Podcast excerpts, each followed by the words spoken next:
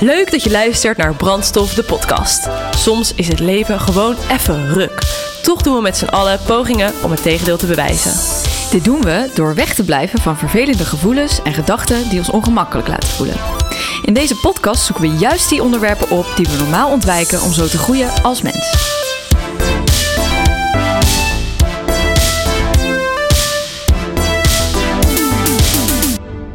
Hey, leuk dat je weer luistert naar een nieuwe aflevering van Brandstof. Vandaag staat er een pikant onderwerp op de planning, toch Room? Hmm, ja, een hot topic, letterlijk. Maar wat ons betreft uh, verveelt praten over seks nooit. Um, en het woord roept bij heel veel mensen waarschijnlijk vergelijkbare beelden op. Maar tegelijkertijd is het een concept dat breder is dan we waarschijnlijk uh, realiseren. Uh, seks is super persoonlijk in uitvoering, voorkeur, verwachtingen. maar toch zijn we behoorlijk geconditioneerd en berust er ook nogal een taboe op. Ja, vandaag gaan we hierover in gesprek met Tonya Wong Chang. Tonya is holistisch relatietherapeut en founder van Healing Space en schreef het boek Hoe word ik de beste minnaar van de wereld? Welkom, Tonya. Super leuk dat je er bent. Ja, heel fijn om hier te zijn. Mooi zo. Nou, om maar even af te trappen, kan je ons iets vertellen uh, over hoe jouw pad eruit heeft gezien eigenlijk de afgelopen jaren en hoe je bent gekomen waar je op dit moment bent? Nou, leuke vraag. Dan ga ik even voor de short version, want er zijn natuurlijk altijd heel veel events die uiteindelijk tot iets leiden. Maar um, laten we beginnen bij dat ik als kind eigenlijk heel gevoelig uh, altijd ben geweest voor de pijn van andere mensen. En uh, van daaruit eigenlijk um, ja, zowel intuïtief als ook uh, geïnspireerd door mijn ouderlijk huis. eigenlijk altijd mensen aanraakte die pijn hadden. Ik kom uit een artsenfamilie.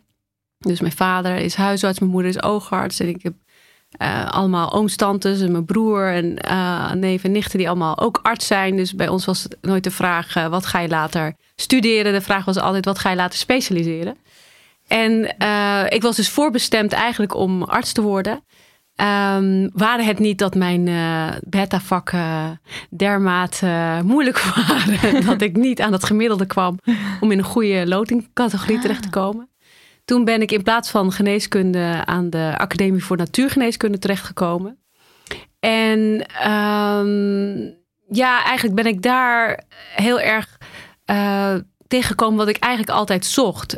Dus in plaats van mensen vol te stoppen met medicijnen om symptomen te bestrijden, leerde ik daar over het zelfhelend vermogen van mensen en hoe je dat kan activeren. En nou ja, analoog daaraan gaat natuurlijk mijn eigen groeiproces. Uh, want waar ik achter kwam in mijn puberteit, was dat als ik mensen had aangeraakt die pijn hadden, dan uh, waren zij misschien klaar met hun hoofdpijn, maar dan had ik vervolgens die hoofdpijn.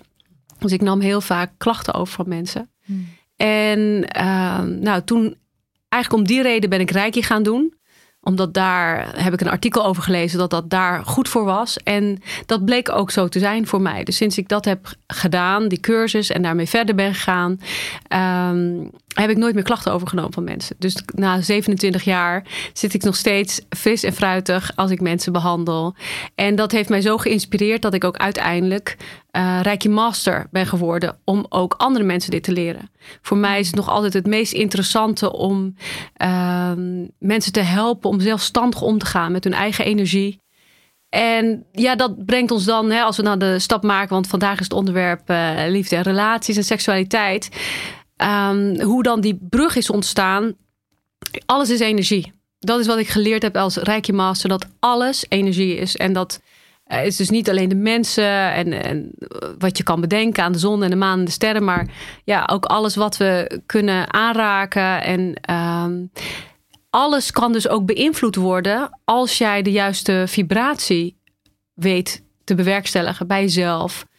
En um, in mijn praktijk, nou, ik heb nou, ik kan wel zeggen dat ik vanaf mijn achttiende, want toen ben ik bij Reiki één cursus gaan doen. Dus dat is nu voor mij 27 eh, jaar geleden. Um, eigenlijk, ja, dat klinkt misschien heel gek, maar ik ben meteen begonnen. Omdat ik natuurlijk als kind al altijd mensen aanraakte. Of dat nou op de balletles was of in de klas. Als er mensen pijn hadden, mensen vielen, geblesseerd waren dan uh, ging dat eigenlijk heel intuïtief. Hè. Mijn vader was, naast dat hij huisarts is, was hij ook een van de eerste acupuncturisten in Nederland. Dus ik had van eh, zowel de westerse als de Chinese geneeskunde eigenlijk al veel meegekregen. En aan de academie heb ik me toegelegd op Chinese geneeswijze en op fytotherapie, westerse kruidenleer. En ehm, nou ja, dat heeft zich steeds verder ontwikkeld. En toen ik die cursus had gedaan, als mijn vader om vijf uur s middags de deur dicht deed van zijn praktijk, dan deed ik hem weer open voor mijn klasgenoten en de mensen van de sportschool en uh, noem maar op. Dus eigenlijk vanaf dat moment ben ik mijn praktijk uh, gestart. En toen ik twintig was, uh, ja, had ik een praktijk die liep. En er kwamen mensen uit het binnenland, buitenland. En um, die kwamen toen voor alles wat ik toen deed. Mijn reiki, ik deed ook sportmassage. Uh, ik deed in die tijd ook nog handlezen, maar dat is weer een heel ander onderwerp. Heb ik ook veel uh, in de media dingen over gedaan. Dus dat, daar had ik veel publiciteit mee. En um, nou, zo ontwikkelde dat. Maar eigenlijk is het uh, ja, een rode draad geweest voor mij. Door alles heen zag ik dat de mensen collectief met één ding rondliepen. Dus of ze nou kwamen voor hoofdpijn, buikpijn of ja, maakt niet uit wat voor problemen. Daaronder ligt altijd het gevoel van niet geliefd te zijn. En uh, dat is niet zo snel, uh, laten we zeggen, te, het is niet zo van, oh je hebt hoofdpijn, oh dan voel je je zeker niet geliefd. Nee, maar laat ik het zo zeggen dat als mensen zich geliefd voelen, dan knappen alle klachten sneller op.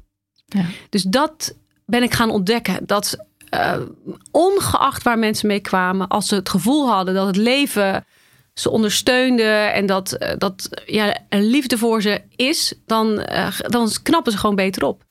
En dat is eigenlijk de reden geweest voor mij om me daar ook vooral op toe te leggen. En ook omdat ik ontdekte dat er altijd iets speelt als het gaat over de liefde. Dat veel mensen daarover in de war zijn. Zeker als het gaat over liefde en seksualiteit we hebben daar eigenlijk heel weinig, krijgen we daarover in onze opvoeding. Hè? Dus uh, in de middelbare school kan me wild ergeren als mijn kinderen thuis kwamen van een zogezegde seksuele voorlichting. Want ja. dat gaat dan niet verder dan een banaan waar een condoom overheen moet. En ja. uh, dat is dan de seksuele voorlichting. Nou oké, okay, tuurlijk vind ik het fijn dat ze in ieder geval iets leren over condooms en dat ze dat gaan oefenen. Prima, en dat dat collectief gebeurt, zodat je daar niet voor hoeft te schamen. Maar daar mag het niet ophouden. Snap je? Er moet nog zoveel meer geleerd worden over wat er bij jou van binnen gebeurt. Als, je, als het geen banaan is, maar een echt ja. geslachtsdeel. Wat, ja. wat doet dat met je? En uh, hoe open je het gesprek dat het zo ver komt? En um, ja, nou daar ben ik eigenlijk heel veel mee aan de, in de weer gegaan. Omdat ik merk dat heel veel mensen uh, rondlopen met schaamte en schuldgevoelens als het gaat over seksualiteit. En uh, dat dat zo belemmerend werkt. Het werkt door in alle niveaus van je leven. Dus dan kan je wel heel erg hard gaan loopbaan coachen of gaan, uh, uh, ja, ik weet niet, hoofdpijn behandelen met massage of wat dan ook. Maar als je niet kan benoemen wat iemand ten diepste bezighoudt, dan tast je nog in het duister eigenlijk. En dan vooral verdwijnt er misschien wel even een klacht, maar de persoon zelf wordt niet per se gelukkiger. En andersom durf ik het ook te zeggen dat heel veel mensen misschien uh, niet per se in de eerste plaats uh, bij mij in de praktijk uh, verlichting hebben gevonden voor al hun klachten, maar wel gelukkigere mensen zijn geworden. Ja. En dat is eigenlijk altijd mijn streven. Van waar gaan we nou, waar gaan we voor? Ja. dat je in het algeheel gewoon beter met jezelf en met het leven om kan gaan. Daar zit voor mij veel meer waarde in dan dat je geen pijn hebt. Mm. Ik, ik, denk dat het ja, veel zinvoller is dat je die pijn kan plaatsen, dat het je iets kan vertellen. Mm. En of dat nou een fysiek of een emotionele pijn is. Nou, en zo kwam ook heel snel de stap naar stellen. Want ja, dan gaat gewoon van het een het ander. En dan, uh, als dan uh, iemand bij me is en uh, blijkt eigenlijk dat er heel veel pijn zit in de relatie, dan is de volgende stap ja, neem die partner dan maar mee. Ja. Hè? Of mag die een keer meekomen? Zo ontstaat dat dan. En ik denk, omdat mijn achtergrond energiewerk is, dat ik daarom een hele unieke vorm heb ontwikkeld van relatie healing, zou ik het ook eerder willen noemen. Dus eh, waar veel relatietherapeuten hebben een achtergrond in de psychologie of een achtergrond in, um, nou ja, allerlei vormen van training misschien of uh, uh, specifieke therapieën. Maar ja, ik kijk heel erg naar de lichaamstaal. Ervan uitgaande dat het grootste gedeelte van onze communicatie is lichaamstaal. Dus ik uh, pleeg al mijn interventies al eigenlijk op hoe mensen kijken. Mm. En wat ze uitstralen naar elkaar. En hoe ze aanraken. En ja, dan gaat een hele andere wereld uh, open eigenlijk. Ja, zo Dus je gebruikt eigenlijk het, het relationele wat, wat mensen tussen elkaar hebben om iets in, in diegene te, te helen. Zeker. Um, kijk, ik ga ervan uit dat hoe je omgaat met je geliefde, dat is een afspiegeling van hoe je omgaat met de wereld. Ja. En vanuit die gedachte is het dus heel zinvol uh, om mensen te coachen in hun gedrag naar elkaar toe. Als je heel liefdevol met je partner communiceert, dan is dat ook jouw liefde voor de wereld. Als je heel gepassioneerd bent in je relatie, dat is jouw passie voor het leven. Ja. Hmm. Dus als het helemaal doodvalt in bed, eh, dan zegt dat ook iets over hoe je wel of niet geïnspireerd door het leven heen gaat. Ja. ja. En uh, ja, eh, een van de dingen die uh, zeg maar mijn aandacht hebben, is hoeveel stellen tegenwoordig geen zin meer hebben in seks. En het komt niet eens meer bij ze op. Er zijn heel veel jonge, mooie mensen die dat niet meer doen. En uh, dat, dat gaat mij dus helemaal niet over dat seks hebben. Maar ik gebruik het als metafoor voor hoe uh, kom je nog in de wereld met je energie? Ja. Hoe durf je dat nog aan te gaan? Ja. en natuurlijk, uh, waar gehakt wordt, vallen Spaanders, zeggen ze wel eens. Hè? Dus het lijkt of heel veel mensen zich liever helemaal onttrekken uit het seksuele veld, omdat daar zo weinig goede voorlichting over is, zo weinig ja, over meegegeven is, dat het zo spannend aanvoelt dat we mhm. liever niet meer het risico lopen dat we daarin gekwetst raken. Ja. ja. ja. ja. En nou, allereerst sowieso een heel mooi antwoord. Gewoon om sowieso te horen hoe jouw hele proces uh, is verlopen. Maar um, ja, een van de redenen ook waarom we deze aflevering wil, wilden opnemen, is ook precies om wat jij zegt. Weet je, uh, dan wel mensen in relaties of mensen die vrijgezel zijn. Je merkt gewoon om je heen dat heel veel mensen hiermee struggelen. En precies wat je eigenlijk zegt, om die kern aan te pakken in plaats van pleisters te plakken, om maar even zo te zeggen, is zo belangrijk. Ja. En um, ja, ik, ik denk dat het ja, wel heel mooi is om misschien even te kijken naar hoe zie jij sowieso seks en intimiteit? Ja. ja. Nou, ten eerste zou ik willen pleiten voor dat het onschuldig is. ik zou echt een pleidooi willen doen dat seksuele energie speels en vrij en onschuldig is. En dat het een manier is van jezelf tot uitdrukking brengen. En dat het geen doel op zichzelf is. Dat het prachtig is als het ontstaat. En als twee mensen daarvan kunnen genieten. En als ze dat ook, ja, daar kunnen laten. Want wat ik zie, wat ook heel veel misgaat, is dat, um, dat er misschien wel een ontmoeting is tussen twee mensen die in zichzelf onschuldig is en vrij. Maar wat er dan vervolgens gebeurt, wat we er allemaal aan willen plakken, wat, dan, wat ons hoofd gaat doen met die ervaring in ons lichaam, daar gaan we aan stuk. Daar gaan relaties aan stuk, daar gaan vriendschappen aan stuk, daar, gaan, daar worden mensen soms letterlijk psychotisch van. En dat heeft te maken met de interpretatie. En um, seksualiteit is een onderdeel van alles, maar nogmaals geen doel op zichzelf. Mhm. Als het gewoon mee kan gaan in de stroom van je leven. Heel veel mensen hebben hun werk en hun uh, gezin en van alles. En dan is er een heel apart hoofdstuk en ze hebben seks. Ja, ja, ja. ja. maar de seks is niet in de flow mee. zeg maar. in, een, in een meer, laten we zeggen, tantrisch leven, een, een heel leven. Eh, daar wisselen de dagelijkse en de heilige en de erotische momenten, die wisselen elkaar af. Hmm. Ja. In een natuurlijke cadans. Ja.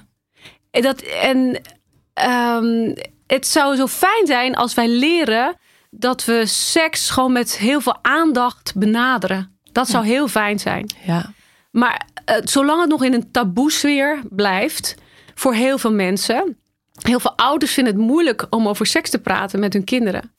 En uh, dat is precies waar het begint. Kijk, uh, ik lees heel graag boeken over de oertijd, over de prehistorie. Dus laten we zeggen een paar honderdduizend jaar geleden de eerste mensen waarvan aangenomen wordt dat ze met knots in de weer gingen als ze uh, seks wilden hebben en heel veel vlees aten. Niets van dat alles is waar. Als je echt kijkt naar hoe stammen vroeger leefden en ervan uitgaan hè, dat de langste tijd dat er mensen op deze aardbodem rondlopen, leven wij in stamverbanden. En in die stammen had je altijd een ziener, een genezer, maar ook een oudere wijze. Meestal waren dat vrouwen die gewoon de kinderen leerden om om te gaan met seks. En de kinderen leerden hoe ze seks moesten hebben, doordat ze eigenlijk gewoon keken naar de ouderen. Er was heel weinig privacy, want de mensen leefden in grotten.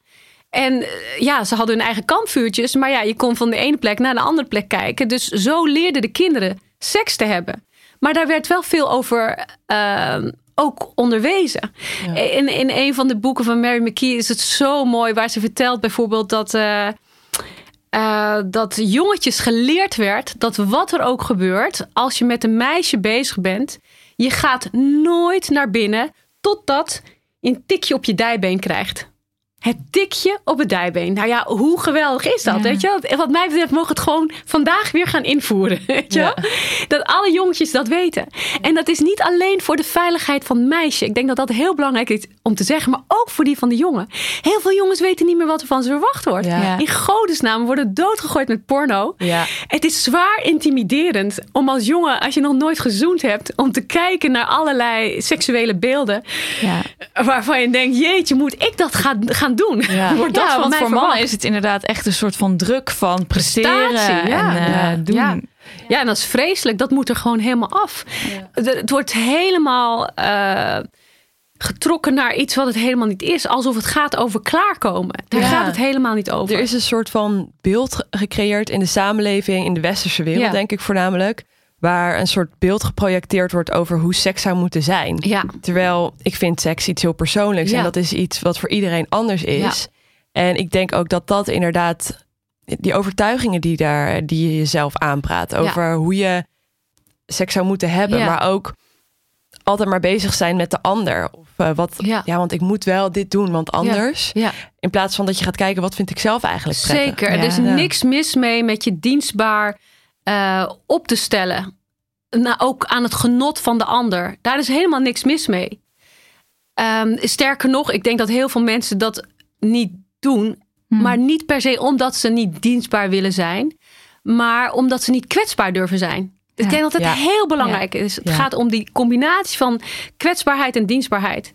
Ik heb zo te doen met zoveel mannen die hun erectie er gewoon al afgewerkt hebben. Letterlijk doordat ze te hard moeten werken. En thuiskomen en uh, eigenlijk uh, niet die tussenfase hebben waarin ze afschakelen van het werk en in het bed kunnen liggen met hun vrouw. Daar is te kort tijd tussen. Mm. En dan uh, kunnen ze eigenlijk niet um, zich echt inleven in wat die vrouw nodig heeft.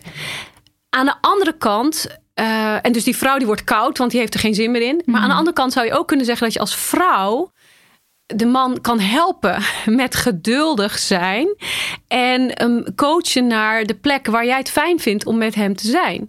Want dan eh, komen we dan weer ook op dat stukje yin-yang. Ja, zeker weten. Het is een samenspel tussen yin en yang. En dat is ook uh, ja, hoe ik ben getraind hè, als uh, eigenlijk Chinese uh, ja, geneeskundige zou je kunnen zeggen. Dat ik altijd kijk naar die balans tussen yin en yang. En de ene keer zal de man meer yang zijn en de vrouw meer yin. Het kan ook omdraaien.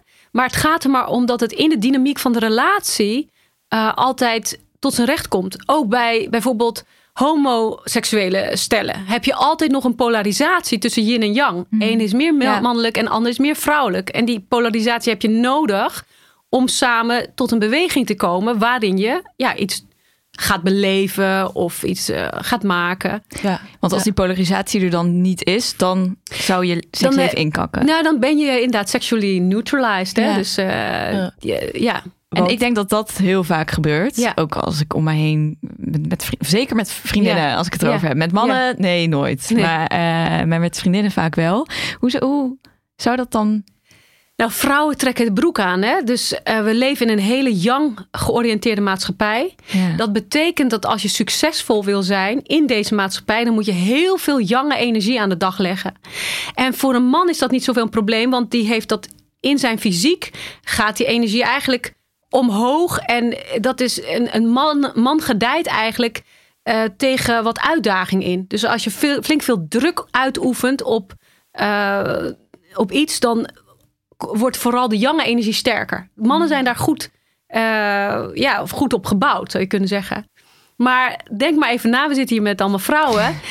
Doen wij het er nou goed op als er heel veel druk op ons wordt uitgeoefend? Nee. Daar doen wij het helemaal niet goed op. nee. Waar doet een vrouw het goed op? Een vrouw doet het goed op als we kunnen ontspannen. Als we veilig zijn. Als we ons geliefd voelen. En als we aangemoedigd worden. Ja. Een man kan je bijvoorbeeld aanmoedigen. Stel, stel een man of een vrouw, ze moeten allebei afvallen. Noem maar wat. Nou, dat is best wel relevant in deze tijd. Hè? Een man kan je misschien aanmoedigen door te zeggen dat de ene man tegen de andere man zegt: joh, eh, vetzak. eh, Kom op. Jij, ja, kom op, jij kan, of jij kan die eh, berg niet op. Dat, ga je echt niet, dat gaat jou echt niet lukken. Weet je wel? Ja. Dat, dan kan die man denken: oeh, nou moet ik toch Ik wel. moet. ik moet. Ja. Ik, ik kan het wel. Maar een vrouw gaat daar niet goed op. Nee. Ik, ik moet denken aan, eh, het was aan het begin van de coronatijd, dat eh, op de plek waar ik eh, vaak in het bos kom, opeens was daar onwijs druk. Hè? Dus eh, nou, eigenlijk hartstikke goed. Mensen zochten meer de natuur op. En ik zag een tafereel van een, eh, een ja, echt wel eh, wat dikkere dame. Die probeerde over een, een, zo'n ja, balk heen te gaan. Die moest klimmen over zo'n uitdaging heen. Op zo'n trail, hè? zo'n bostrail waar ik wel eens train. En eh, haar vriend die stond erbij. En ze moest steeds over een hoger balkje. Maar ze kwam er maar niet overheen. Het lukte niet. En maar ze zat er net tegenaan. Hè? En die vriend die stond maar een beetje half bakken daar. eh, tien meter er vandaan. Een beetje haar half uit te lachen. En ik kwam voorbij en ik ben keihard gaan roepen. Ik, heb, kijk, ik denk, kennen die mensen helemaal niet. Maar ik ben gewoon keihard gaan roepen. Ik zeg, je kan het, je kan het. En, eh, en ze gaat er overheen. Ah, Ja. zo En goed, ik- die aanmoediging. Ja, ja, echt. En ze kijkt naar mij. Ze zegt, ja, dat had ik nodig. En dan kijkt ze naar die vriend. Dat wat jij doet, dat helpt ook helemaal niet. Ja, dat is wel echt typisch, ja. Ik herken is- dat wel. Dat is helemaal het beeld. ja. En het is denk ik niet eens zo dat die vriend haar niet wilde helpen. Nee. Het is misschien niet eens zo dat hij haar wilde dissen. Maar het komt wel heel liefdeloos over wat Ja, hij deed. ja. Maar had hij dat met een vriend gedaan, was er niks aan de hand geweest. Ja, ja, ja, maar niet met je vriendin. Nee. Nou, en dat soort dingen, daar moeten eigenlijk jongetjes al heel vroeg in wakker gemaakt worden. Hoe ga je nou met meisjes om? Ja. En als jij die energie van dat meisje fijn vindt, geef haar dan de gelegenheid om energie te zijn. Maak het dan veilig voor haar om te stralen. Maar als je haar aanzet door haar onder druk te zetten, dan gaat ze wel degelijk ook haar jonge energie laten eh, zien. Want Mhm. als vrouw heb je ook jonge energie. Dus dan komt die jonge energie, dan word jij de, de stevigheid, maar dan is de energie weg. Ja. Grappig is dat, hè, hoe dat werkt. En Hmm. eigenlijk inderdaad, als je voor degenen die nu luisteren en, en die überhaupt nog nooit van yin en yang gehoord hebben. Ja, we leven nu wel echt in een yang-tijd, omdat het echt een prestatiecultuur is. En ik denk ook met het oog op de vele burn-outs en Ja. overspannen mensen die er zijn, kunnen we allemaal wel wat yin gebruiken. Ja, en de infertiliteit, wat denk je daarvan? Hè? Hmm. Vrouwen die onvruchtbaar worden, de aantal IVF's. Het is onvoorstelbaar hoeveel vrouwen nu naar de IVF-kliniek rennen. Maar zowel onvruchtbaarheid als verminderd libido als burn-out. Dat zijn allemaal dingen waar vrouwen in deze tijd veel meer gevoelig voor zijn dan mannen. En altijd zo geweest. En waarom is dat? Hier dus om. Dus als je een man harder laat rennen, Ehm, als hij succesvol wil zijn, dan komt hij op zijn top aan. En nou oké, prima. Dan kan hij dan nog eens een keer gaan beginnen om ook eens wat vrouwelijke energie toe te laten en te gaan ontspannen. Maar een vrouw die succesvol wil zijn, die moet dus iedere keer een energie aan de dag leggen die niet haar natuurlijke energie is. Ja. Zij moet de hele tijd op die jonge energie gaan lopen. Ja. En dan komt ze aan die top van de berg, want vrouwen kunnen net zo hard rennen en misschien harder dan mannen. I don't care, maar ze vinden het niet zo fijn. Nee. Wij worden er niet gelukkig van. Dat is Ja. het verschil. En het gaat zich Ja, ook lichamelijk uiten. Dat gaat zich dus lichamelijk uit, want wij Ja. zijn daar niet op gebouwd. Ja. Ja. Wij kunnen ontzettend veel verduren. Hè, dat, Mm. dat kunnen we. Wij hebben eigenlijk een enorm uithoudingsvermogen. Zolang wij in een ontspanning mogen Ja. functioneren. En Ja. dit, ik herken dit zo erg, want als ik kijk naar mezelf, ehm, ik twee jaar geleden werkte ik dus voor een organisatie hier in Amsterdam en ik leefde, of ik werkte daar heel veel samen met mannen. En ehm, ik was, eh, wij werkten daar niet acht uur per dag. Het was gewoon 10, 12 uur soms per dag gewoon knallen met z'n allen. Het was ook wel heel gezellig, maar ehm, ik werd denk ik wel heel erg beïnvloed door de young energie. Ja. En ik merkte op een gegeven moment dat ik best wel, nou ja, koud zei jij net al, Ja. maar heel gesloten werd Ja. eigenlijk. En dat Nou. merkte ik dus ook in mijn relatie met mijn Ja, vriend. ga maar terug naar je seksleven. Hoe was Ja. je seksleven in die Ja. tijd? Ja, ja, Eén op één. ja. Had je geen zin meer in. Nou, en dat klopt. Ja, En dat is dus zo grappig. En ik, ik leer dus nu wel echt ehm, dat ik nog steeds best wel geneigd ben om mezelf, nou ja, te verliezen is misschien een beetje een negatief woord, maar In die jonge stand te zetten. ja. Ja. Ja. En op het moment dat ik dus inderdaad merk dat ik dus gesloten ben richting mijn vriend, denk ik al, oh wow, Ja. wake up call. Nou, ik herken dit ook wel, want ik had ook een tijdje, een tijdje terug had ik. Ik dacht altijd van, oh, ik ben niet, eh, eh, ik ben niet zo gevoelig om ooit workaholic te worden. En toch merkte ik dat eh, met het werk dat ik dan nu doe, dat was voor het eerst dat ik echt zo'n passie voelde voor het werk.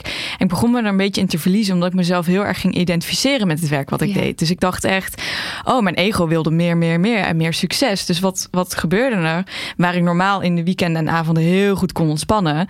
Ehm, ja, ik was eh, bezig met mijn Instagram en bezig met dit, bezig met de podcast. Er kwamen dingen bij en, en ik was altijd maar bezig. En op een gegeven moment was het zo erg ook dat ik... Dan zat, zat ik zo op mijn telefoon, was ik allemaal dingen aan het doen... en dan was mijn vriend iets tegen mij aan het zeggen... en dan hoorde ik hem gewoon niet. Terwijl dat nou net mijn nummer één irritatie altijd was, andersom. En ineens had ik echt zo'n... dat hij ook echt een beetje zo teleurgesteld raakte van... ja, jezus Rome, je hoort me niet eens meer. En dat ik toen echt zo'n reality check had van... what have I become? Maar Ja. ook die geslotenheid heel erg. Ja. Dat ik seks inderdaad ook, maar ook qua al praatte hij tegen mij dat ik op dat moment dan echt zoiets had. En het maakt niet uit dat hij het was, maar dat ik dacht: val me niet, niet. val me niet Ja. lastig, Ja. want ik ben toch bezig. En toen Ja. dacht ik: wow. Zo wil je niet zijn. Dit wil ik helemaal niet Nee. zijn. En, dat was voor mij wel een eye-opener. Ja, en dat het ik is zo, daarvan. Ja, maar het is zo belangrijk wat je benoemt als je zegt...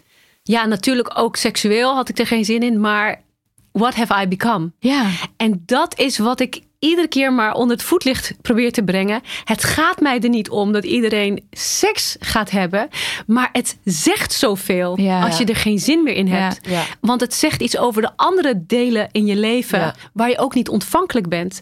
En het gaat niet over dat we altijd eh, in een orgastische staat moeten zijn, want dat kan helemaal niet. Dan ben je ook niet meer functioneel. Hè? Dus ja, dan komt er niks meer van de grond.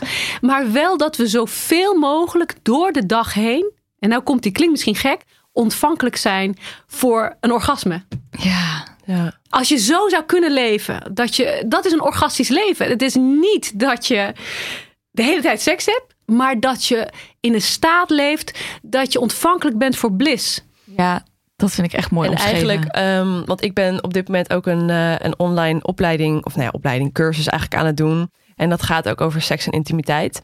En ehm, een van de dingen eh, die ik daar bijvoorbeeld heb geleerd, het is eh, eh, ehm, emoties zijn eigenlijk energy in motion. Ja. En op het moment dat, wat jij eigenlijk zegt, inderdaad, op het moment dat je meer orgastrisch Ja. wordt, dan is die energie continu in Exact. beweging. Ja. En ehm, op het moment dat ik me afsluit, dan stagneert de energie. Ja. En dat voel ik dus ook echt lichamelijk heel erg aan mezelf, dat ik rugpijn krijg of nou, whatever it is. Ja. Ja. En wat super belangrijk is, en dan we weer even terug naar het begin zo'n beetje. eh, je gaat ook pijn krijgen. Dat wil ik er gewoon even eerlijk bij zeggen. Dingen gaan ook gewoon pijn doen.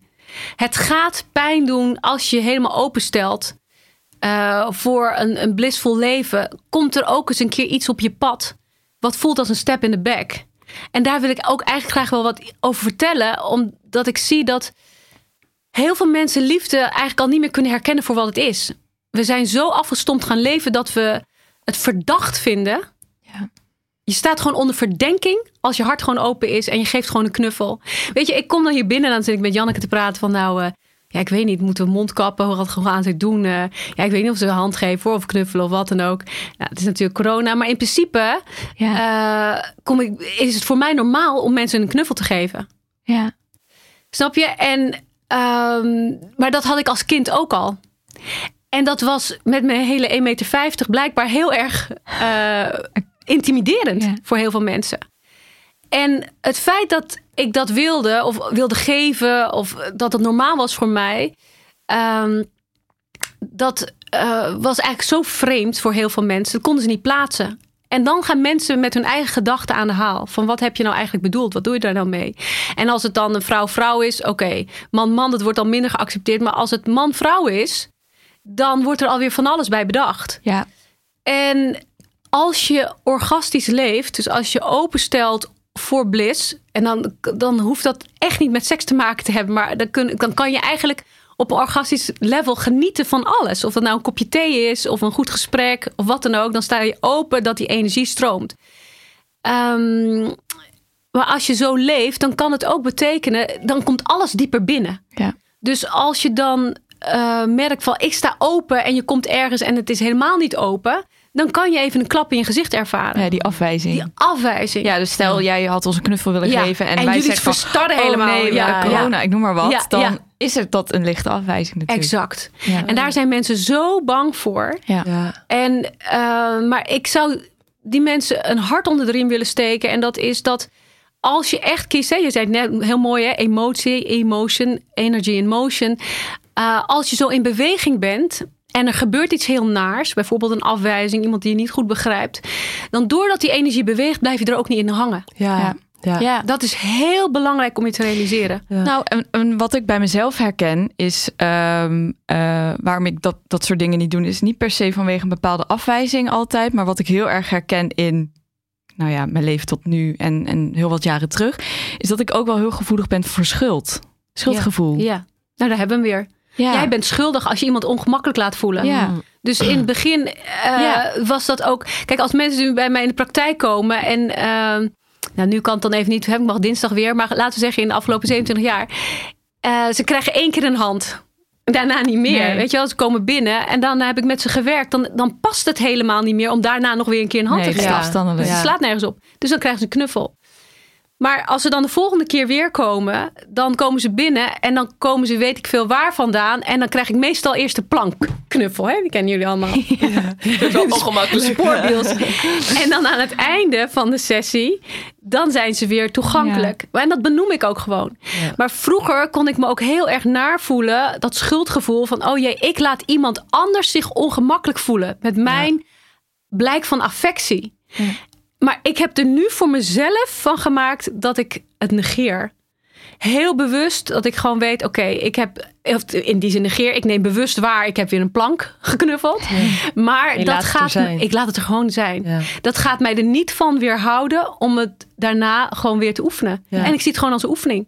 Nou ja, en dat is super mooi, want wij hebben hier toevallig met Juno eh, Burger een aflevering over opgenomen. Over ehm, op het moment dat je een trigger voelt in jezelf van afwijzing of schuldgevoel, in plaats van die weerstand te, Ja. eh, erop te bieden, meer Ja. soort van te omarmen van het, ma- het is oké. Ja. Ja. En dat maakt echt zo'n groot verschil Ja. eigenlijk. ja. Ja. Jij bent niet schuldig. Je bent niet schuldig. Het enige waar je naar mag kijken, en daar begonnen mee, hè, seks is onschuldig, affectie is onschuldig. Kijk naar je intentie. Ja. Ja. Kijk naar je intentie. Jouw intentie is gewoon, je bent een liefdevol wezen en je wil eigenlijk gewoon liefde in de wereld brengen. Dat is waar we voor eigenlijk ontworpen zijn om met Ja. elkaar liefde en vreugde te delen. Alleen we hebben het zo ingewikkeld gemaakt voor elkaar dat we eigenlijk liefde alleen maar herkennen als het binnen een bepaald Kader. afgegrensd kader is. En komt het daarbuiten, joh, dan kunnen we zo aan de haal gaan met wat er is gebeurd. En dat is echt heel naar. Want we beschadigen mensen die eigenlijk ja, goede intenties hebben.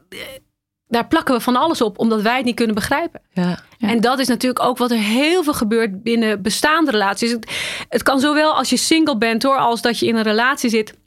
Maar goed, waar ik in mijn boek ook veel over schrijf, is het onderwerp wat we vreemd gaan noemen. Wat ik een erg vreemd woord vind. Maar in ieder geval eh, het fenomeen dat je je aangetrokken voelt seksueel tot iemand anders dan je eigen geliefde.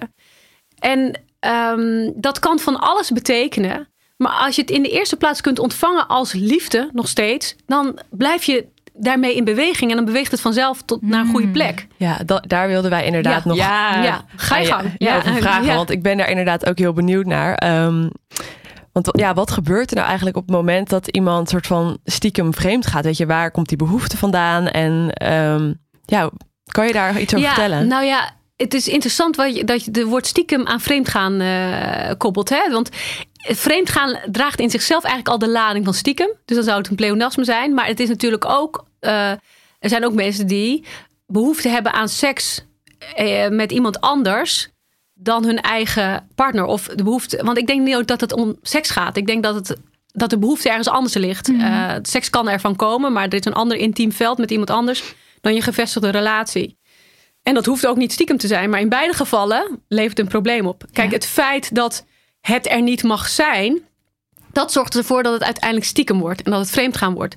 Maar als ik de vraag zou mogen beantwoorden op het niveau van, ja, wat kan het nou betekenen als je de behoefte hebt om dicht bij iemand anders te zijn, fysiek tijd door te brengen en eventueel seksueel te worden, en met iemand anders dan je eigen partner, ja, daar zou ik hem graag in willen beantwoorden, want volgens mij gaat het daar in essentie Ja. om. Ja, Ehm, Ja, want het stiekem komt, dat of komt het, vreemdgaan komt voort uit dat uit we de het afwijzen. Ja, precies. Dus ik zou graag naar het niveau kijken. Wat gebeurt er nou überhaupt eigenlijk? Nou, en dat kunnen zoveel redenen zijn. Weet je, we ja. En maar goed, dat hangt van je wereldbeeld af. Kijk, ik geloof dat onze ziel zich recycelt. Dus wij, wij zijn hier niet voor de eerste keer op aarde. En er zijn, we reizen in groepen. We reizen in families. En je komt iemand tegen en in de ogen herken je iets. En dan je, oh ja, jou ken ik. Oh ja, jou ook. Oh, leuk dat we weer bij elkaar zijn. Weet je, Ja. zo eh, weet je eigenlijk wie er bij jou is. En eh, waarmee je iets te doen hebt in deze wereld. En het kan maar zo zijn dat je in een vorig leven iets nog niet hebt afgemaakt hè, met iemand. Stel je bent je geliefde kwijtgeraakt op een dramatische manier. Noem maar wat. En eh, daar zitten misschien weer levens tussen. En je komt elkaar. En je bent nu getrouwd met iemand anders. Je hebt een heel fijn leven. Maar potverdorie, daar komt die persoon weer tevoorschijn waar je een heel dramatisch einde mee hebt gehad. Of het kan je kind geweest zijn, of het kan je moeder geweest zijn, of je vader. Of iets en er, er gaat iets triggeren bij jou. En omdat je het niet meer weet van die vorige levens, maar je hebt nog wel die emotie, ehm, raak je helemaal van slag. Ja. Want hoe kan het dan dat je zo'n sterke emotie hebt op iemand anders? ja. Maar die hele sterke emotie hoort bij het verhaal tussen jou en die ander. En dat hoeft dus helemaal niks te zeggen. Het hoeft totaal geen disqualificatie te zijn van de relatie die je op dat moment hebt. ja. Misschien heb je nog even iets uit te werken met die persoon. Het zijn soms heartbreaking stories. Als je er echt op gaat voelen wat, wat er gaande kan zijn. Je zou je geliefde niet eens in de weg willen zitten. Als die nog inderdaad eh, iets, moet afhechten met zijn Ja. kind. Of met zijn vader of een oude geliefde. Dat, is-. Je wil je partner daarin niet eens storen. Nee. Als je echt van elkaar houdt. ja. Natuurlijk zijn er ook andere mogelijkheden. Natuurlijk kan het ook zijn dat je in je gevestigde relatie iets tekort komt. Dat kan ook. En dan is het gewoon heel plat geslagen als je in je eigen relatie geen seksuele dynamiek hebt. En, en iemand anders komt op je pad die dat heel erg bij jou wakker maakt. Nou, dat is ook een logische reden om dan met die andere persoon iets te willen gaan doen. Ja. Weet je? Dus het kan zich op heel veel niveaus manifesteren. Maar wat kan ook een reden zijn? Het kan ook een reden zijn dat je bijvoorbeeld eh, door een moeilijke tijd heen gaat. Misschien eh, eh, ben je aan het rouwen om iets.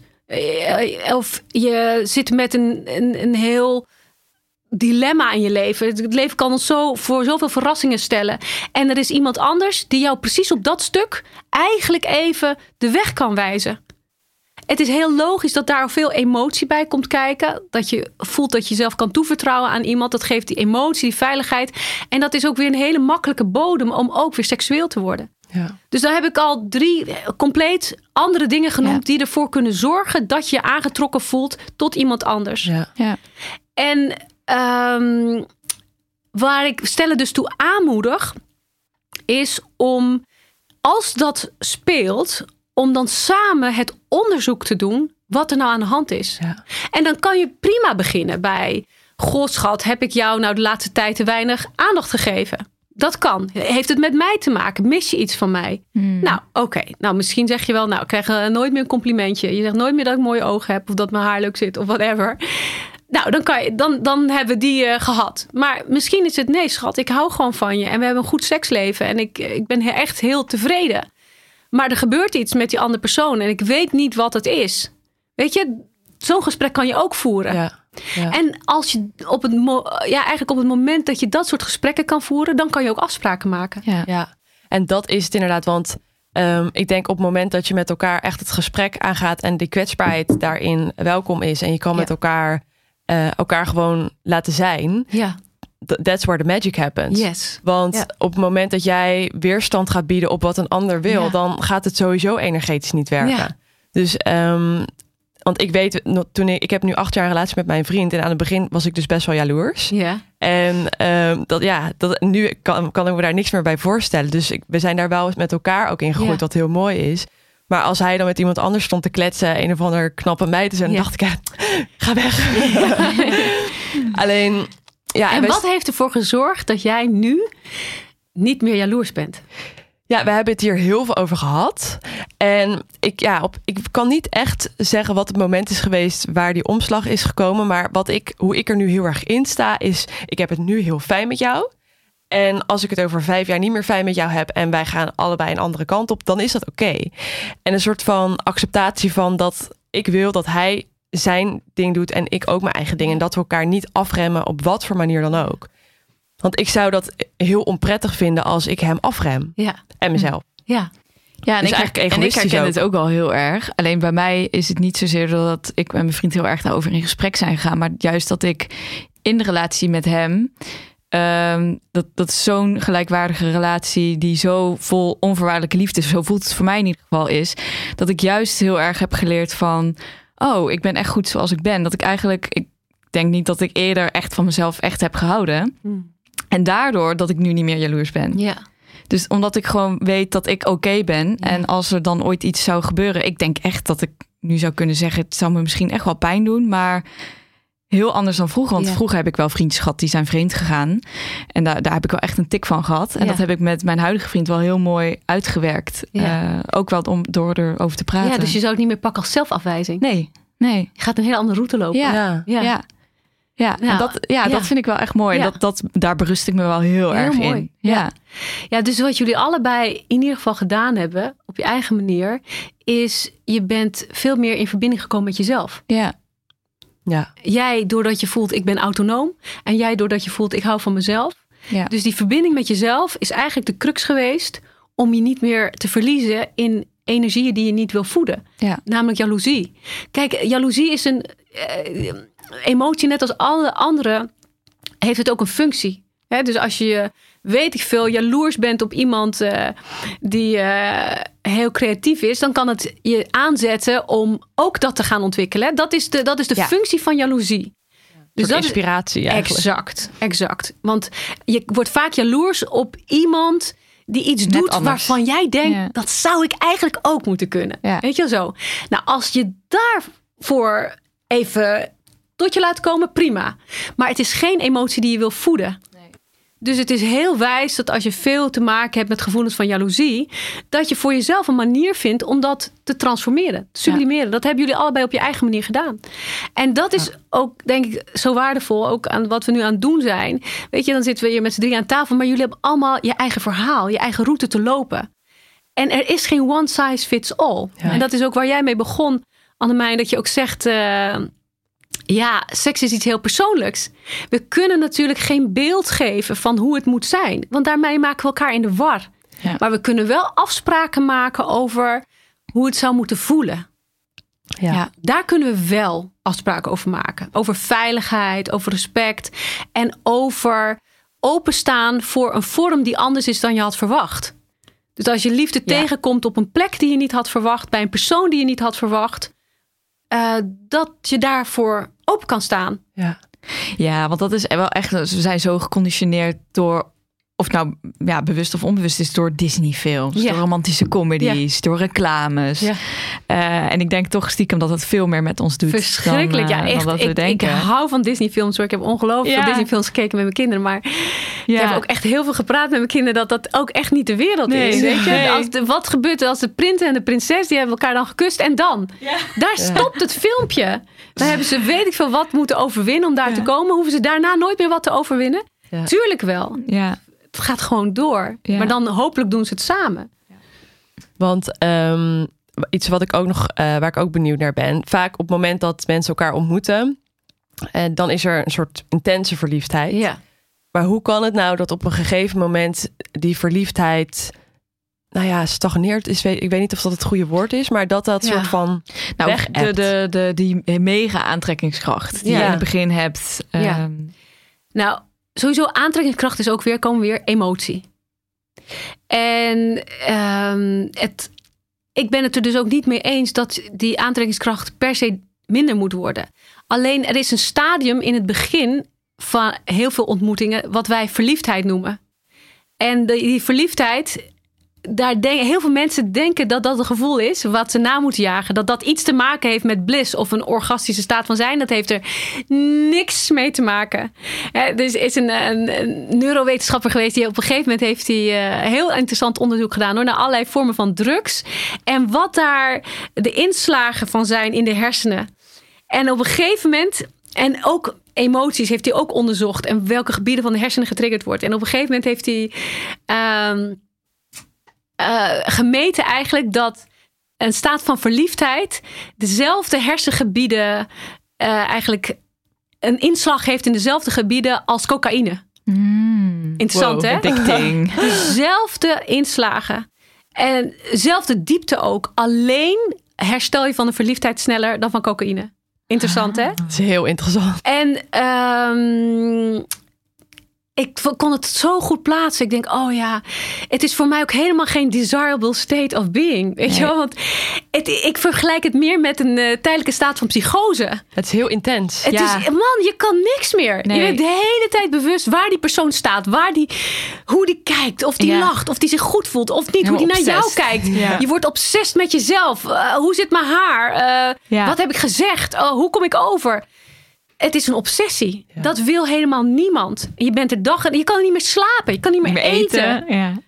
Dus um, hoe, hoe Osho dat zegt, dat vind ik ook super mooi. Die zegt dan: uh, Immature people fall in love. Mm -hmm. Mature people rise in love. Mm. Ja. En die hou ik zelf heel erg aan.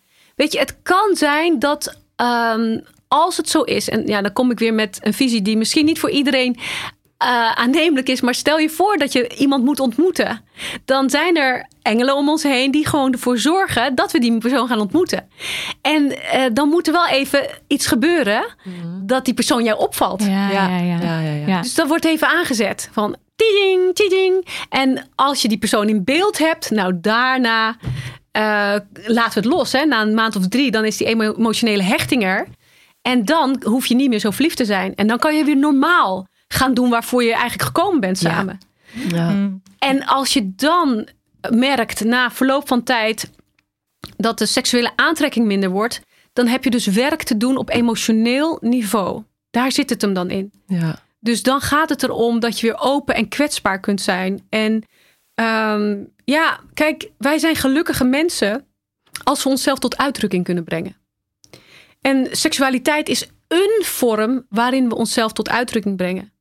Met dat erbij dat als we onszelf daar nooit tot uitdrukking brengen, dat dat verstrekkende gevolgen heeft voor alle andere manieren. Ja. Omdat het in onze ja, fundamentele energie zit. In de eerste ja. twee chakra's. Dus als we daar geen leven hebben, Hmm. dan heeft dat een invloed op al onze andere vermogens. Ook ons hart gaat dichtzitten. Hmm.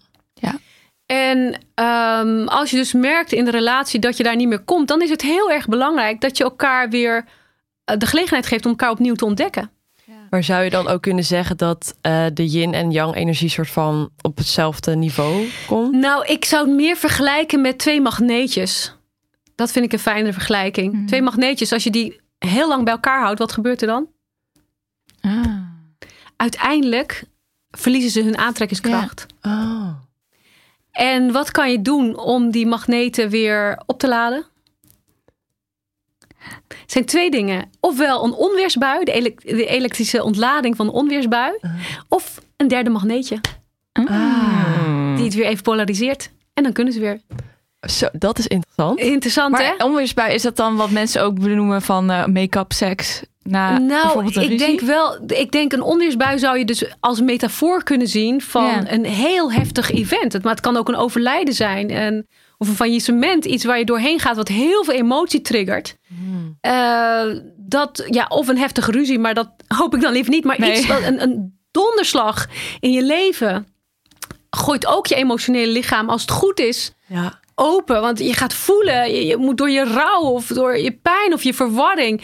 En als er dan iemand bij je is, dan is het heel mooi om dat energetisch met elkaar ook eh, Ja. ja, Ja. op te lossen samen. Dat geeft weer heel veel hechting en ook seksuele hechting. Ja. En die andere magneet, ja, dat ik denk heel vaak dat uh, mensen die vreemd zijn gegaan, als ik dan toch dat woord zo moet noemen, want dan refereer ik dus echt aan dat het stiekem is gebeurd, uh, dat zij daarmee energie ophalen die ze weer als een infuse gebruiken in hun relatie. Ja. Ja. Dus ik ken, ja, ik na 27 jaar praktijk voeren. eh, ja, ik kon er gewoon op een gegeven moment niet meer over uit over de hypocrisie. Ja. Dat, daar had ik op een gegeven moment als therapeut ook gewoon last van. Weet je wel? Dan heb ik eh, de man in mijn praktijk en ik weet dat hij eh, buiten de deur vrijt. En dan heb ik de vrouw in mijn praktijk en ik weet dat ze buiten de deur vrijt. En dat weten ze van elkaar niet. Mm. Dat heb ik nou zo vaak aan de hand gehad. En eh, dan heb ik ze samen in de sessie. En als ik dan probeer het te openen, dan gaan ze nog keihard op slot. Nee, nee, dat zou ik nooit doen. Weet je Ja, wel? Nee, ja. nee, nee, dat hoef ik niet. Weet je wel? Oh, ja, want dan is er toch een hele diepe angst eh, Juist. om te verliezen wat ze hebben met elkaar. Exact. Ja. Ja, en het- eerst had ik daar ook wel een oordeel op. Ik denk, ja, zoveel kan je elkaar toch niet liegen en bedriegen. Maar later ben ik ook gaan zien dat er heel veel vormen zijn van relatie die juist goed gedijen omdat ze dit doen. Ja. Ja. Ja. Dus ik heb ook daar geen oordeel mee, Nee, mee op. ja. Hooguit op de hypocrisie. Ja. Ja. Maar dat is dan ook misschien niet eens per koppel, maar hoe we dat als samenleving doen. Ja. Ja. Dus dat omdat we daar zoveel van vinden als samenleving, durft een koppel eigenlijk zich niet meer te openen Nee, op dat, dat is punt. het. Ja, want, want, mo- want monogamie dan Ja, is dat dat is ook vragen. Oh, ja, Dat, dat is de eh, ja dat, dat is dus geen doel op zich of niet iets wat Nee. vaststaat. Nee, ja. Nee, ik, een ik niet. samenleving die dat... De- de- het is een norm verwacht. die we hebben Ja. opgelegd. Hè? Zoals al, alle normen en waarden. Die veranderen ook, na, ook met je doelstellingen. Kijk, monogamie is opgelegd om bezit veilig te stellen. Ja. Daar is het ooit voor bedoeld. Toen we stopten met als jager-verzamelaars te leven. En eh, agrariërs werden en eh, gingen verbouwen. En grond kregen, een hekje eromheen zetten. Ja, dat hekje, dat, eh, het moet veilig gesteld worden. Ja. Dus mijn bezit en jouw bezit. Hoe stellen we dat nou veilig? Door de kinderen ook. Hè? Dus eh, ik wil zeker weten dat dit kind wel mijn kind is. Dat is eigenlijk waar monogamie om begonnen is. Mm. Dus het heeft, dit, wij zijn nu in de eerste generatie. Werkelijk waar. Wij zijn in de eerste generatie die deze vorm aan het ontdekken is. De, de vraag is of er liefde mogelijk is.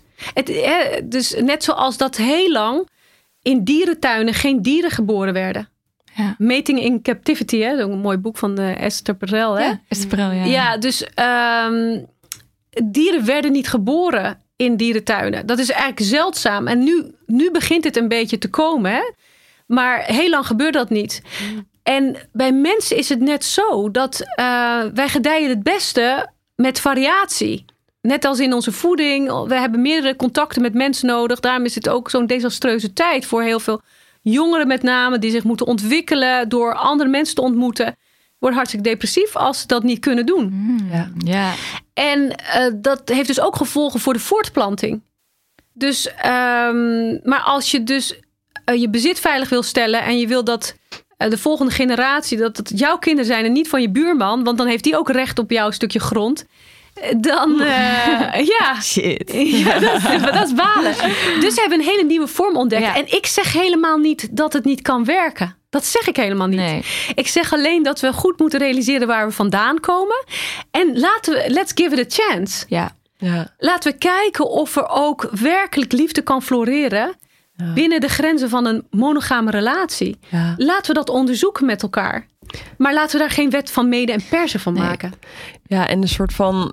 Gewoon dat we met elkaar het perspectief gewoon veranderen. Nou, dat, laat Ja. dat een afspraak zijn. We zijn het nou Ja. aan het veranderen, we zijn het aan het ontdekken, maar we komen ergens anders vandaan. En eh, onze hele term monogamie is ook interessant, want die is ook helemaal veranderd. Hè? Dus toen ik nog heel jong was, betekende mo- een monogaam leven betekende dat je één seksuele partner had voor de rest van je leven. Mm. Dat was monogamie. En dan keken we eigenlijk ook naar de dierenwereld en dan keken we naar zwanen, die zijn monogaam. Ja. Snap je? Dat was monogamie. Die hebben één keer een mannetje. ja, nu is het seriële Nu is monogamie. monogamie serieel monogaam. Ja. Ja. Dat je één seksuele partner hebt tegelijkertijd. Ja. Ja. Dat is iets totaal anders. Ja. Ja. Nou, Ja, en dat, ja, dat is daar, een shift. Ja, het is een enorme shift. En waar ik wel nog benieuwd naar Ja. ben, is er luisteren nu waarschijnlijk ook mensen die geen relatie hebben. Ja. Hoe zit het dan daar met de seksuele? Nou, voor die mensen zou ik dus ook echt, echt nog een keer willen zeggen: geniet van je leven. En geniet van. eh, het onverwachte. Ja. Geniet van de mogelijkheid dat er liefde is elke dag. Ik zou bijna zeggen op elke hoek van de straat. Weet je wel? En dat eh, probeer jezelf niet vast te zetten in dat je alleen maar liefde gaat geven of alleen maar seksualiteit gaat beleven als je eenmaal die partner hebt gevonden. Stel je gewoon open voor liefde. ja, want dat is natuurlijk ook de, de, de belofte van als ik een partner heb. Dan wil ik mezelf wel gaan openen Ja. en dan wil ik wel weer seks hebben. Maar er zijn nu singles die jaren, jaren geen seks hebben gehad. Gewoon jaren niet. Ja, of het tegenovergestelde. Eh, want dat hoor ik ook heel veel van vrijgezellen eh, vrienden. Dat ze... ehm, Die zichzelf kapot seksen en, eh, en helemaal ongelukkig zijn. ja. Ja, en dat ze soort van heel erg op zoek zijn naar liefde. Ja. Eh, of dat ze een bepaald beeld in hun hoofd hebben hoe zij moeten zijn. Of wat zij denken dat anderen aantrekkelijk vinden. En daarom zichzelf eigenlijk helemaal voorbij lopen. ja ik, het woordje aandacht. Het gaat gewoon om aandacht. Als ze, als ze vinden dat ze aantallen moeten maken en eh, weet ik veel, Ja. 30 verschillende partners in een maand eh, Ja.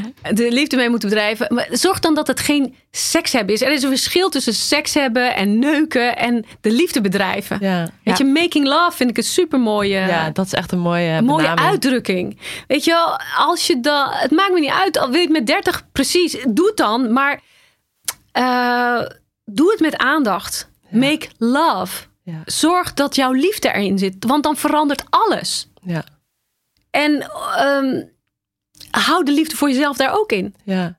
ja, en inderdaad gewoon die kwetsbaarheid, de openheid. Ja. En het, ook misschien het onderzoeken van wat vind ik fijn, Ja. wat niet. Exact. En hou rekening met de mogelijkheid dat het pijn doet. Ja. Hou rekening met die Dat vind ik mogelijkheid. ook een mooie. Ja. Ja. Ja, dat eh, als je aantallen aan het maken bent en heb je misschien tien keer een mooi avontuur gehad en de elfde keer eh, wordt toch je hart gebroken. Ja, Try to live with it. Weet je wel? Ga daar dan ook bewust doorheen. ja. En huil als je moet huilen. Lach als je moet lachen. Word boos als je dat voelt. Hè, wees daar wel hè, zorgvuldig in dat je dat niet zomaar om je heen slingert. Maar seksualiteit eh, kan ook. Hè, ik denk voor een gezonde seksualiteit hebben we ook een gezonde relatie met onze agressie nodig. En dat snappen ook heel veel mensen nog niet. Misschien als ik moet nog een keer herhalen. Voor een gezonde relatie met je eigen seksualiteit, voor je eigen goede seksuele beleving, heb je een gezonde relatie met je agressie nodig. En dat betekent dat ehm, je. Dat is nodig voor de pit in je, in je, in je seksualiteit. Ja. Hè? Anders valt alles dood eigenlijk. Je moet eigenlijk op een gezonde manier die energie kunnen opwekken. Dat je iets wil, dat je ergens voor wil gaan. Ja. Ehm, en dat, maar gezond betekent dat jij die energie kan oproepen tot een certain level. En dat je het ook weer kan laten afvloeien. ja. Maar het betekent ook dat als wij onverwerkte agressie in ons hebben, dit is een hele belangrijke, ofwel van onze vader of onze moeder, of eh, weet ik veel wat voor misschien seksueel trauma, want er zijn natuurlijk, daar hebben we het nog helemaal niet over gehad, maar er zijn zoveel Ja. van deze vragen die we ook nog kunnen beantwoorden vanuit het perspectief, hè, waarom gaat iemand vreemd of doorlopend vreemd, waarom wil iemand 50 seksuele partners in één maand? Dikke kans dat daar eh, seksueel trauma onder zit. Uh, maar dat betekent dat als je echt opent voor kwetsbaar uh, je verbinden seksueel, dat betekent dat je ook je agressie getriggerd kan krijgen. Ja. Dat je dus ook in één keer heel boos kunt worden. En dan is het heel belangrijk om niet in de valkuil te stappen dat die andere persoon dat heeft gedaan. Mm. Maar dat het jouw boosheid is. En dat het nu tijd is voor een onderzoek. Van wat is er eigenlijk getriggerd? Hoe komt het dat ik zo boos ben? En heeft dat dan te maken dat het een one-night stand was? Ben ik weer verlaten? Of wat dan ook? Wat, wat was er nou eigenlijk aan de hand? Het was toch eigenlijk een fijne, hele fijne vrijpartij? Waarom ben ik dan nu zo boos? Mm, mm. ja. Het voldoet toch niet aan mijn plaatje. Dat gebeurt heel erg veel. Ja. Meer dan je denkt. En wat mensen dan ook vaak doen, is dat ze het soort van niet gaan onderzoeken. Nee, gewoon kappen. Volgende. Ja, Ik wil afleiden. niks meer met je te maken hebben. Ja, En ik ga wel weer door. Zoek Ja. het maar uit. ja, En dan moet je inderdaad blijven maken. die- Want je blijft het maar herhalen. ja. Totdat je één keer stil gaat zitten en gewoon gaat kijken. Oké, het is mijn boosheid. Ik ben boos. Het is mijn boosheid. Waar komt het door? ja. Waardoor ben ik nou zo teleurgesteld? Ja. En uiteindelijk kom je natuurlijk uit ook bij een verwachting. Wat had ik dan verwacht? Ja, en dan wordt het interessant, want dan daar ligt groei. Ja, Maar ja, daar moeten mensen wel voor openstaan. exact. Nou, Ja. dat, is, dat blijf ik dus herhalen. Sta ook open voor pijn. En je kan het ook nog wel heel letterlijk maken tijdens de seks. Als je aan het vrijen bent met iemand, dan kan het soms heel even pijn doen. Dat kan, weet je Ja. Of het is even ongemakkelijk. Of je haar zit niet goed. Of het laken. Of ik weet niet wat, weet je wel. Het is nooit zoals in een pornofilm waar alles geregisseerd is, weet je wel. Seks is niet per se altijd comfortabel, weet je. Er is even iets aan. Nou, nee, niet zo hoor. Even Ja. aan, nou, weet je wel zo. Dat gebeurt. Dat is heel normaal. Ja. En give yourself a break. Wees niet beschuldigend. Oh, je bent niet zorgvuldig. Of nou, doe dan een beetje te ruw. Ja, Ja. weet je? Vind je. Nou, ik denk ook dat, dat waar je het er straks ook eh, eh, het over had, over het speels en het onschuldige. En eh, dat er ook veel meer inbrengen. Ja, allemaal niet zo serieus. ga lekker ontdekken. Ja. Doe het. Maar voor mannen, ik had, vorige week had ik een stel super lief, echt adorable beings. Allebei jonge mooie mensen, maar ook al heel lang geen seks meer. En ehm, ja, waar komt het eigenlijk op neer dat het voor die jongen met name was het heel erg eh, inderdaad prestatie geworden. Gewoon niet meer het gevoel dat hij gewoon mocht ontdekken. Weet je wel, ga maar spelen. Nou, ze waren zo blij met alleen de tip dat ze weer mochten gaan spelen. Van joh, je, je hoeft helemaal niks perfect te doen. En ik heb op een gegeven moment ook gezegd: laat die hele erectie. Weet je wel, er zijn nog zoveel andere dingen die je kan doen in bed. Je Ja. kan elkaar op zoveel manieren plezier geven. Ja. En ja, want wat is inderdaad seks, hè? ja, Ja. wat is seks? Ja. Weet je, seks. Is het nou seks als ik met mijn handen naar iemands kruis ga? Ik ben een healer, dus ik ben gewend overal aan te raken. Is het seks? Ja. Nee, seks is het pas als mijn intentie daar zit. Het hele lichaam is gewoon een lichaam waar met kanalen van energie wat je wil laten stromen. Maar seks is het pas als je intentie seksueel is. Ja. En anders is dit ook je seksuele area, wat wij seksueel area noemen, is gewoon je oorspronsenergie, is je Ja. creatieve area. Ja. Maar als ik daar mijn seksuele gedachten op breng, dan wordt het seksueel. ja, ja. Ja. Dus seks kan al oogcontact zijn. Ja, jeetje, Mina, wow, er gaat iets aan, weet je wel, dat. Ja, en ook andersom denk ik dat op het moment dat, dat je eh, intentieloos wel Ja. seks hebt, Ja, dan is het ook geen seks. Nee, Want dan precies. is het gewoon de Een beweging. handeling, ja. ja. Ja. dan is het misschien een, een rituele handeling om jezelf te verlichten of wat dan ook. Maar het kan ook, eh, het kan ook voor healing zijn. Weet je, je- je- als mensen met seksueel trauma rondlopen, dan moet daar ook iets gebeuren in dat gebied om dat vrij te maken. Ja. Maar dan heb je nog geen seks in Nee. die zin van het woord. Ja. ja, dat is meer een energetische ontlading. Ja, precies. En al die verschillende variaties. En je kijkt, je kan naar een tantrische healer toe gaan om dat te laten doen. Maar de kans is groter dat er op een dag iemand op jouw pad komt die jou seksueel die ontlading geeft. En die precies daarvoor daar kwam om jou seksueel te helen. Dat is ook wat heel veel mensen niet weten als ze dan vreemd gaan. Daar komen we weer. Hè? Heel veel vrouwen lopen gewond rond in hun seksualiteit. Mannen ook overigens hoor. Maar, eh, en dan kan dat in die relatie, die, die misschien al twintig jaar bestaat, kan dat niet geheeld worden, omdat ze in een bepaald patroon zitten. En dan ontmoet die vrouw iemand die haar even helemaal optilt en haar weer helemaal vrouw laat voelen. En eh, haar ook weer helemaal seksueel maakt eigenlijk. Daar wordt iets geheeld op dat Ja. moment. Ja. En ehm, dat moet precies zo gebeuren. En van daaruit kan ze gewoon weer terug naar haar eigen relatie en weer met meer zelfvertrouwen het weer openen en naar een nieuw niveau brengen. Ja. Maar als je het niet kan herkennen voor wat het is en als die man of de partner alleen maar in jaloezie kan gaan Mm. zitten van ja, met hem wel en met mij niet, in plaats van het te ontvangen wat fijn schat dat je geheeld bent. Wat fijn dat we weer verder kunnen samen. Ook wat fijn voor ons. Wat fijn voor Ja. ons. Ja, precies. Ja, ja. Ja.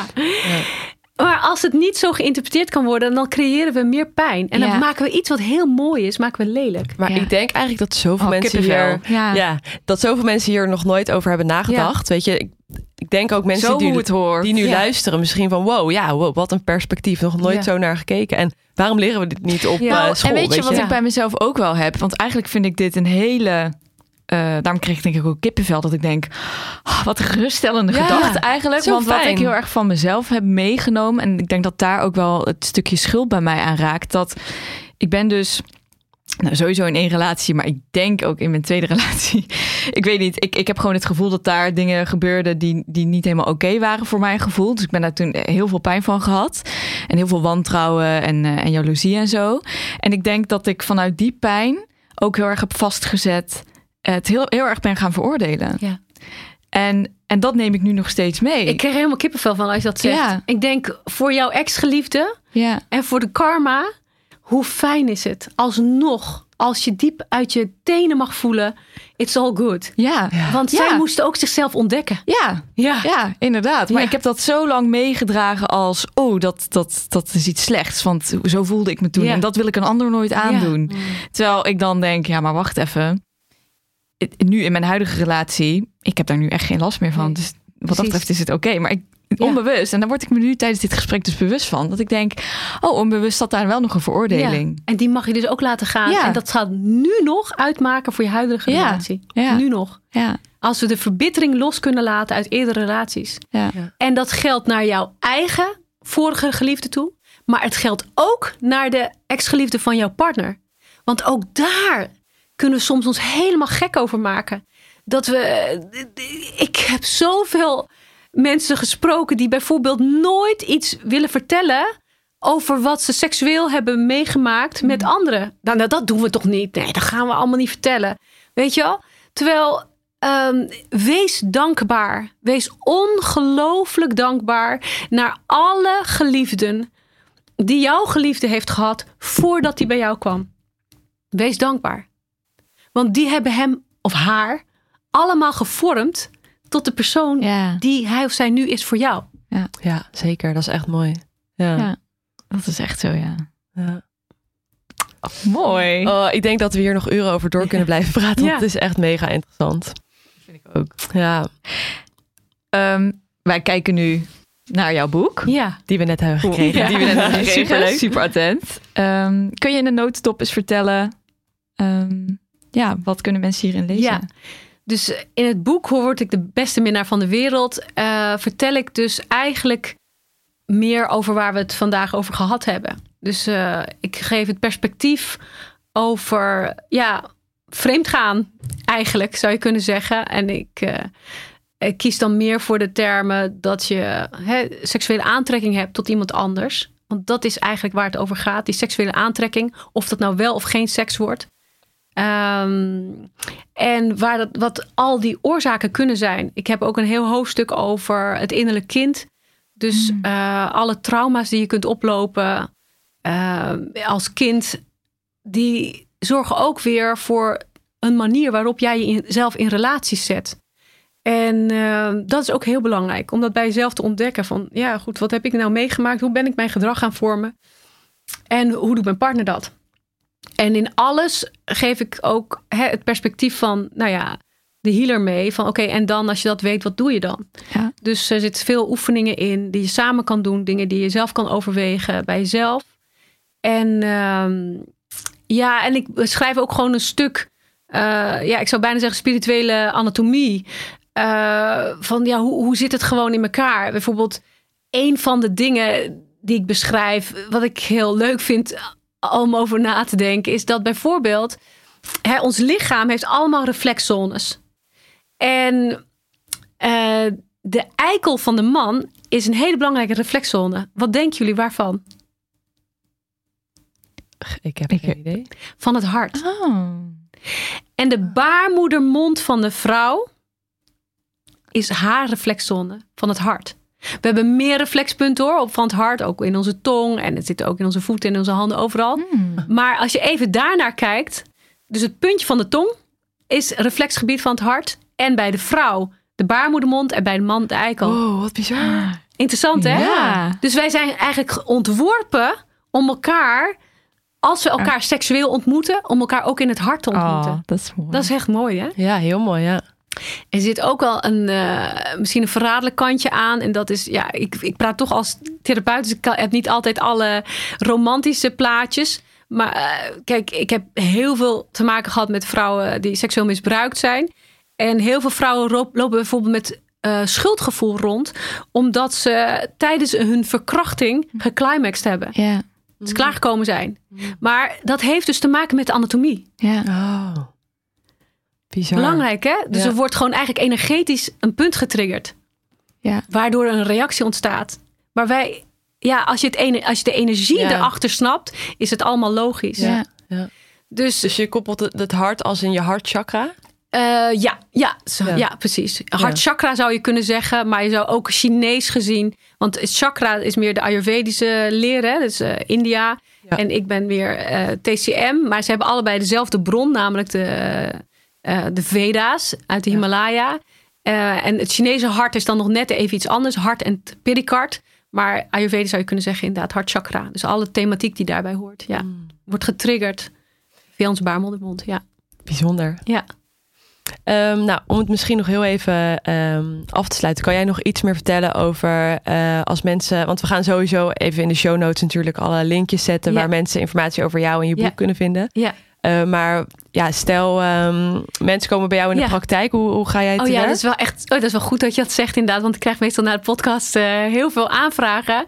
Maar ik heb maar twee handen. En ik ben op dit moment in mijn leven, na 27 jaar praktijkvoeren, ben ik heel erg bezig met mensen op te leiden. Dus ik sta eigenlijk heel veel voor de klas.